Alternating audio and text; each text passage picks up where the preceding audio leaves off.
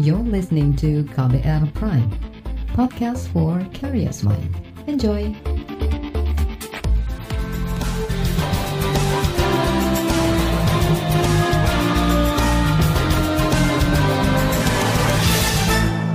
Halo saudara, senang sekali kami bisa menyapa Anda kembali dalam program KBR Sore untuk edisi hari ini Selasa 18 Agustus 2020. Saya Agus Lukman akan menemani Anda selama kurang lebih 30 menit ke depan. Kali ini kita akan membahas adanya klaim temuan kombinasi obat atau racikan obat untuk mengobati COVID-19 dari Universitas Erlangga Surabaya Jawa Timur yang bekerja sama dengan Badan Intelijen Negara BIN dan TNI Angkatan Darat. Apakah kombinasi obat itu ampuh dalam menyembuhkan pasien COVID-19 dan apakah sudah lolos uji? Saudara tim peneliti dari Universitas Airlangga atau UNER Surabaya Jawa Timur mengklaim telah menyelesaikan uji klinis fase ketiga kombinasi regimen atau obat racik untuk COVID-19. UNER juga mengklaim terdapat tiga kombinasi obat yang ditemukan dan telah melaksanakan uji klinis. Tiga kombinasi obat itu adalah yang pertama lopinavir ritonavir dengan azitromisin. Yang kedua kombinasi lopinavir ritonavir dan doxycycline. Dan yang ketiga kombinasi hidroksiklorokin dan azitromisin. Tim dari UNER Surabaya mengklaim efektivitas kombinasi obat atau racikan obat itu mencapai 98 persen dan sudah diuji coba kepada pasien positif COVID-19 klaster sekolah calon perwira atau secapa TNI Angkatan Darat. Lantas apakah obat racikan ini layak untuk diproduksi dan seberapa aman kombinasi obat itu untuk dikonsumsi pasien COVID-19?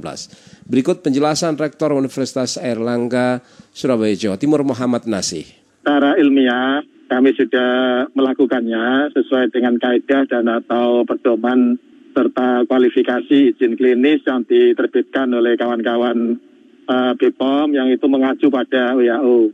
Tentu kami harus mendiskusikan hasil ini nanti juga dan menyampaikannya ke BPOM untuk kemudian mendapatkan telahan dan mudah-mudahan atas dorongan semua pihak uh, izin produksi dan izin edarnya akan segera bisa diterbitkan oleh BPOM. Dan kalau itu sudah ada, maka produksi baru akan dimulai. Kalau belum ada, tentu kita nggak bisa melakukan proses produksi itu. Karena riset kita kan memang khusus untuk yang anti viral ya, anti virus. Ya tentu semua pasiennya adalah pasien eh, COVID. Dan sesungguhnya yang kita screening, yang kita evaluasi itu bukan hanya 758 orang itu, tapi 1000 100 sekian. Yang memenuhi persyaratan inklusivitas atau inklusivitas itu 700 ini karena kalau ada yang misalnya tanpa gejala itu kan harus kita keluarkan. Kalau ada yang gejala HIV kita keluarkan. Kalau ada yang usianya misalnya nggak memenuhi persyaratan kita keluarkan. Sehingga eh, dari 1100 sekian itu yang memenuhi syarat inklusivitas itu 700 sekian itu dan itu semuanya adalah pasien uh, COVID. Bagaimana rincian dari inklusivitas obat COVID-19 temuan dari UNER tersebut? Uh, soal inklusivitas kan uh, itu menyangkut bagaimana pengaruh dan atau efek obat itu pada berbagai macam uh, kondisi yang memang harus distandarisasi.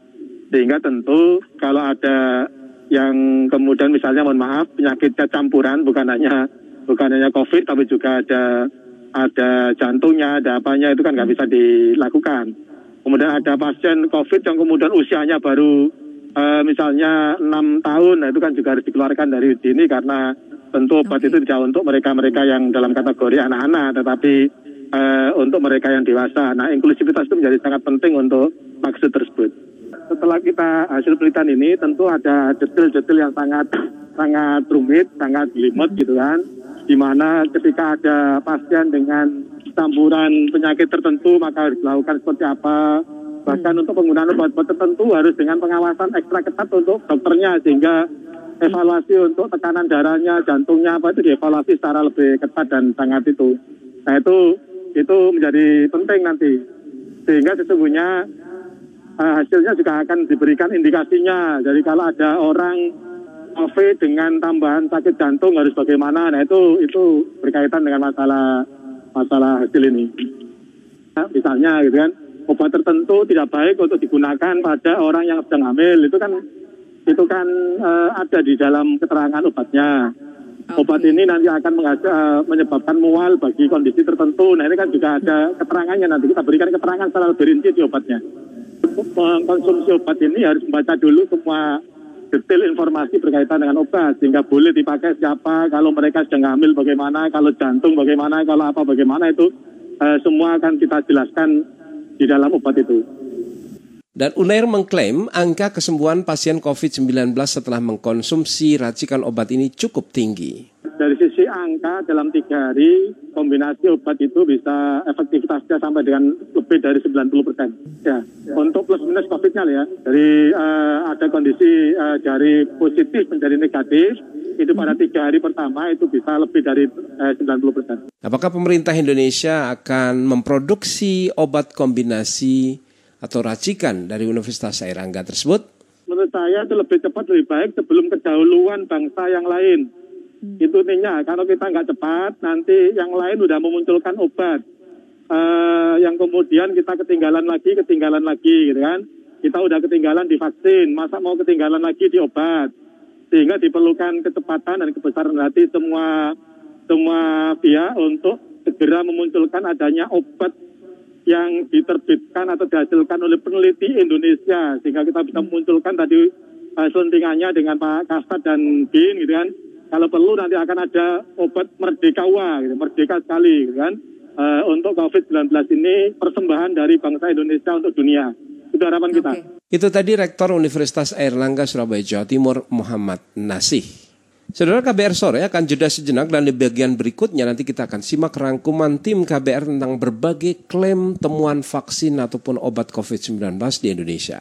Seperti apa ceritanya simak usai jeda berikut tetaplah di KBR sore. You're listening to KBR Pride, podcast for curious mind. Enjoy!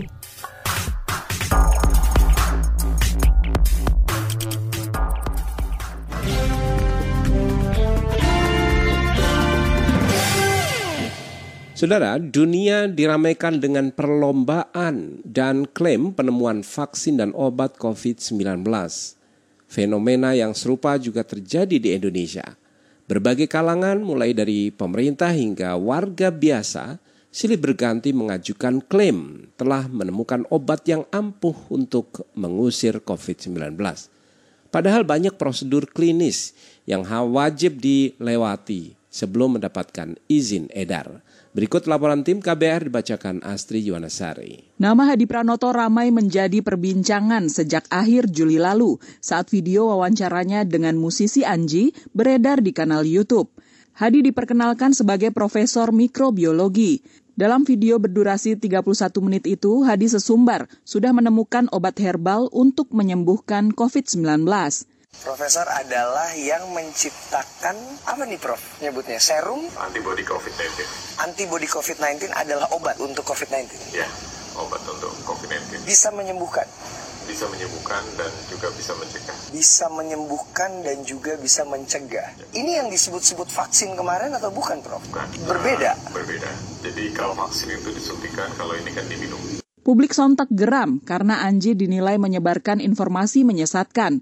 Konten itu ramai-ramai dilaporkan dan sudah dihapus oleh YouTube. Ikatan Dokter Indonesia IDI merupakan salah satu yang mengecam aksi Anji.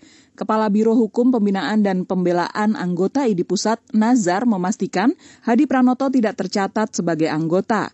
Ia juga membantah keras klaim obat anti-COVID temuan Hadi karena harus melewati uji klinis sangat ketat. Untuk menemukan formula, apakah itu untuk pengobatan, apakah itu untuk ketahanan tubuh, beliau itu menyebutnya sebagai antibodi, itu kan perlu serangkaian penelitian tanpa makhluk hidup bukan hanya perlu keilmuan saja, perlu laboratorium, perlu tim baru mereka itu akan melakukan penelitian percobaan percobaan percobaan sebelum dia bisa menyatakan oh ini loh formula yang pantas diuji cobakan. Saat ini kasus Hadi Pranoto sedang bergulir di kepolisian.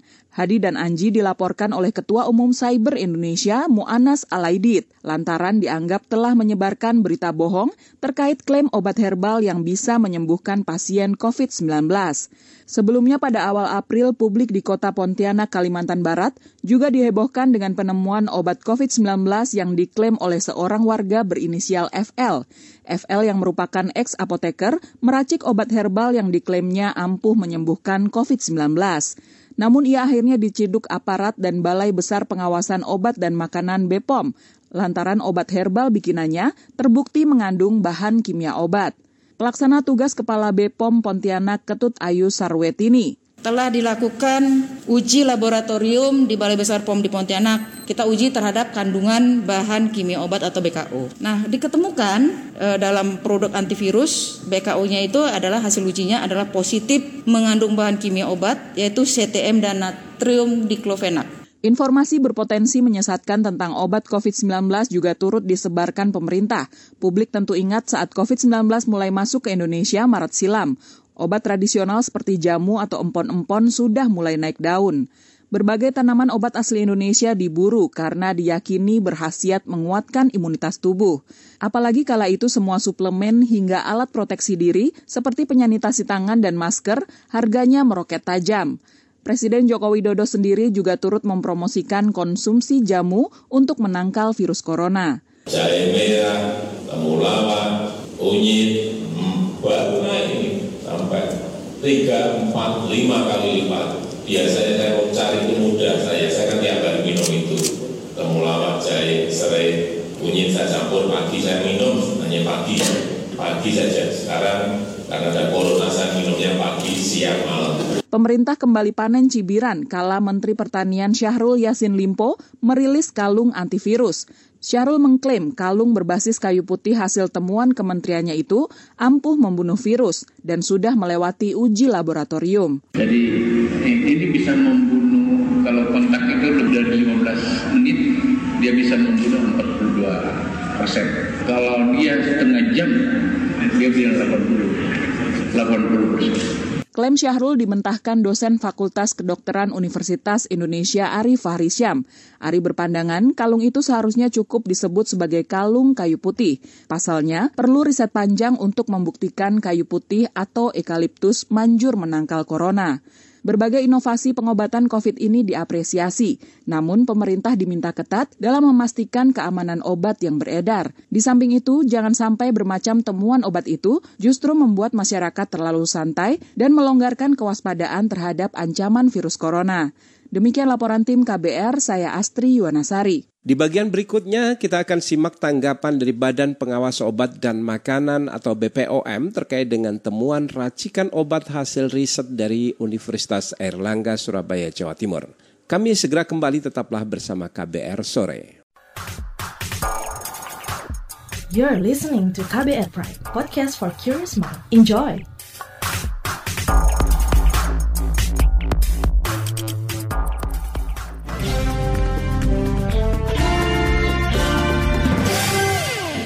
Terima kasih saudara Anda masih bersama kami di KBR Sore. Saudara, Badan Pengawas Obat dan Makanan menyatakan sampai saat ini Organisasi Kesehatan Dunia WHO belum merekomendasikan satu obat pun yang terbukti aman dan manjur menyembuhkan pasien positif COVID-19. Sampai saat ini kandidat obat virus corona semua masih dalam fase uji klinis. Badan Pengawasan Obat dan Makanan juga mengingatkan agar semua pihak, baik perguruan tinggi, peneliti, hingga tim riset yang sedang mengembangkan obat COVID-19, agar memenuhi standar dari Badan Regulator Obat yang reputasinya dijamin, misalnya FDA di Amerika ataupun MIA di Eropa. Berikut penjelasan anggota Komite Nasional Penilai Obat dari BPOM, Anwar Santoso. Badan POM itu merupakan suatu lembaga negara yang bertanggung jawab kepada presiden. Ya. Dan kemudian dia mempunyai tugas sebagai regulator. Salah satu adalah untuk melakukan semacam approval. Ya. Approval adalah memberikan semacam suatu uh, statement bahwa obat ini bisa diedarkan dan sudah melalui suatu uji klinik yeah. yang mengacu kepada dua variabel penting yaitu yeah. adalah harus ada scientific value. Iya, ada manfaat suatu, ya. Ada manfaat scientificnya mm -hmm. dan yang berikutnya harus mempunyai social value. Iya. Jadi harus mempunyai nilai sosial sehingga mm -hmm. uh, keselamatan masyarakat, mm -hmm. kesejahteraan masyarakat dan patient safety bisa dijamin. Baik. Sejauh ini apakah sudah ada obat yang bisa dihasilkan? Beberapa uji klinik sedang dilaksanakan dan kemudian sudah dilakukan review oleh uh, Badan POM dan sampai saat ini pagi ini memang belum ada yang dikatakan saya setuju dengan pendapat dari Prof uh, Gufron bahwa sampai sekarang belum ada satu statement yang menyatakan bahwa ini ada obat uh, yang manjur dan aman untuk COVID-19. Semuanya dalam masih dalam fase uji klinik. Bahkan Baik. WHO pun sendiri tidak menyatakan satu statement yang resmi ada obat yang direkomendasikan untuk dipakai atau aman tapi dalam status uji klinik. Yang memberikan label jamu sampai ke fitofarmaka ini kan BPOM dan waktu fitofarmaka penelitiannya jauh lebih banyak. Bagaimana penjelasan BPOM? Jadi mungkin ini yang perlu disadari oleh masyarakat melakukan suatu uji klinik tersebut uh, tidak sederhana sebetulnya. Yeah. Karena tetap harus dibandingkan dengan uh, kontrolnya. Kontrol itu adalah standarnya. Mm-hmm. Kalau memang belum belum ada standar, maka standar of care daripada pelayanan kesehatan medis yang disepakati oleh profesi dan di uh, PNPK dari rumah sakit itu sebagai standar. Kemudian baru uh, IP. IP itulah investigational product yang akan diuji sebetulnya. Yeah. Itu harus diuji dibandingkan, tidak bisa hanya uh, tanpa pembanding atau kontrol. Karena kita tidak akan bisa mendapatkan hubungan sebab akibat. Kenapa? Hubungan sebab akibat itu penting sekali. Jadi bahwa obat A ini yang akan diuji atau fitofarmaka ini setelah diikuti beberapa waktu, kemudian diikuti juga hasilnya bagaimana, dan dibandingkan dengan kelompok kontrol. Iya. Apabila ada pihak yang overklaim, apakah izin dari PPOM bisa ditarik? Badan POM ini mengacu kepada standar best practice yang dilakukan oleh FDA di Amerika dan kemudian MEA di Eropa. Baik. Dan itu semua adalah merupakan badan regulator obat yang sudah uh, mempunyai reputasi yang yang di apa di dijamin. Sehingga di dalam proses uji klinik maka best practice yang dilakukan di Eropa maupun di Amerika tidak boleh ada satu public confidential. Baik. Itu yang saya kira yang perlu yeah. kita jaga sebagai stakeholder dari semuanya. Baik itu perguruan tinggi, baik itu pusat riset, baik itu peneliti itu sendiri. Iya. Itu tadi saudara penjelasan dari anggota Komite Nasional Penilai Obat dari BPOM Anwar Santoso. Selain harus melalui uji klinis dalam beberapa fase, sebuah obat yang akan diproduksi juga harus melalui beberapa tahap pada saat riset. Selama riset, obat itu harus dipantau oleh tim clinical monitoring yang independen. Tidak itu saja, secara administratif dan transparansi, riset obat juga harus mendapat kawalan dari tim klinis independen yang terdiri dari ahli farmakologi, biostatistik, dan ahli penyakit yang diteliti serta harus terdaftar di International Clinical Trial Registry WHO atau lembaga yang meregistrasi obat lainnya di dunia. Dan di bagian berikutnya saudara kita nanti akan simak bagaimana tanggapan dari epidemiolog dari Universitas Indonesia mengenai racikan obat hasil riset dari Universitas Airlangga Surabaya Jawa Timur ini yang diklaim sudah lolos uji klinis dan akan diproduksi. Kami segera kembali tetaplah di KBR sore. You're listening to KBR Pride, podcast for curious mind. Enjoy!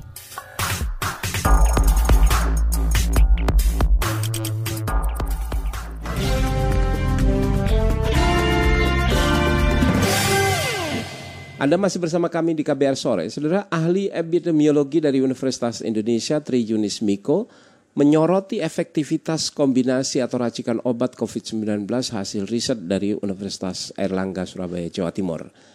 Ini adalah kolaborasi riset antara Universitas Airlangga, TNI, dan Badan Intelijen Negara. Namun epidemiolog Tri Yunis mengatakan diperlukan pengujian terkait dengan tingkat efektivitas dari kombinasi obat itu terhadap virus corona. Termasuk soal proses riset yang harusnya dilakukan secara transparan dan terbuka. Berikut wawancara jurnalis KBR Astri Septiani bersama dengan ahli epidemiologi dari Universitas Indonesia, Tri Yunis Miko. Terkait kombinasi obat COVID-19 hasil riset dari Universitas Erlangga, TNI, dan BIN begitu Pak. Ini kan cukup banyak menarik perhatian masyarakat begitu. Banyak juga yang mempertanyakan soal prosesnya begitu Pak. Bagaimana pendapat Bapak terkait hal ini? Ya, kombinasi obat itu ada obat S dan kloroquine.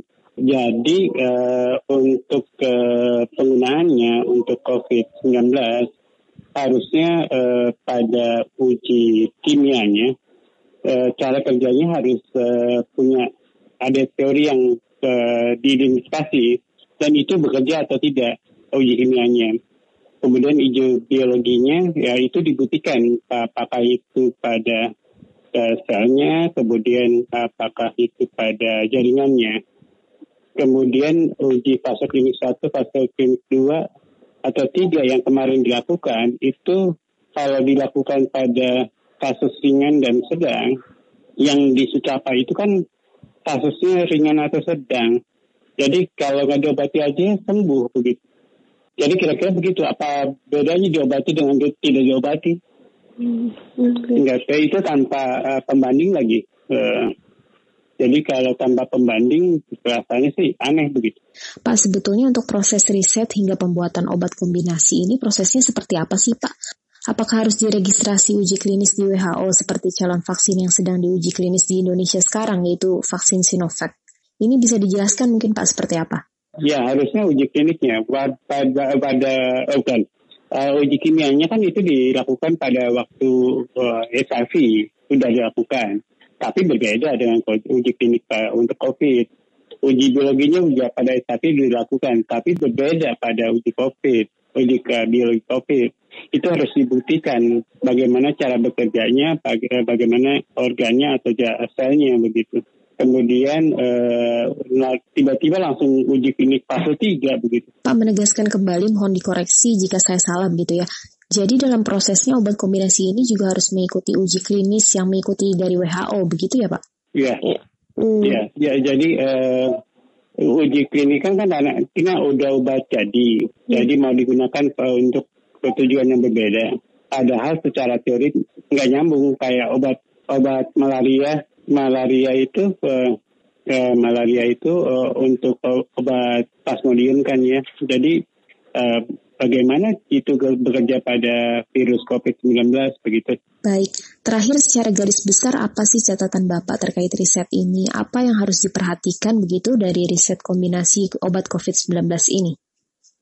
Ya, jadi uh, uji kimia dan uji biologinya harus dilakukan untuk COVID, bukan untuk HIV begitu. Jangan disamakan dengan obat uji obat sebelumnya, karena itu berbeda virusnya, berbeda cara kerjanya kemudian uh, uji klinik fase 1, fase 2, fase 3-nya harus dengan pembanding. Kalau tidak dengan pembanding ya uh, dan harus uh, terbuka begitu semua orang uh, mendengar ini uh, ditutup-tutupi. Jadi uh, apa apalagi kerjanya kerjasamanya dengan AD dan TNI gitu. Jadi apa tujuannya? Uh, kenapa uh, yang bukan seharusnya mikirin obatnya mikirin obat begitu. Ade dan kayak bin lagi. Hmm. Ya serem banget. Itu tadi saudara penjelasan dari ahli epidemiologi dari Universitas Indonesia Tri Yunis Miko. Dan perbincangan tadi menutup jumpa kita di KBR sore hari ini edisi Selasa 18 Agustus 2020. Pantau juga informasi terbaru melalui kabar baru, melalui situs kbr.id, Twitter kami di akun @beritaKBR dan podcast di alamat kbrprime.id. Akhirnya saya Agus Lukman, kami undur diri, salam.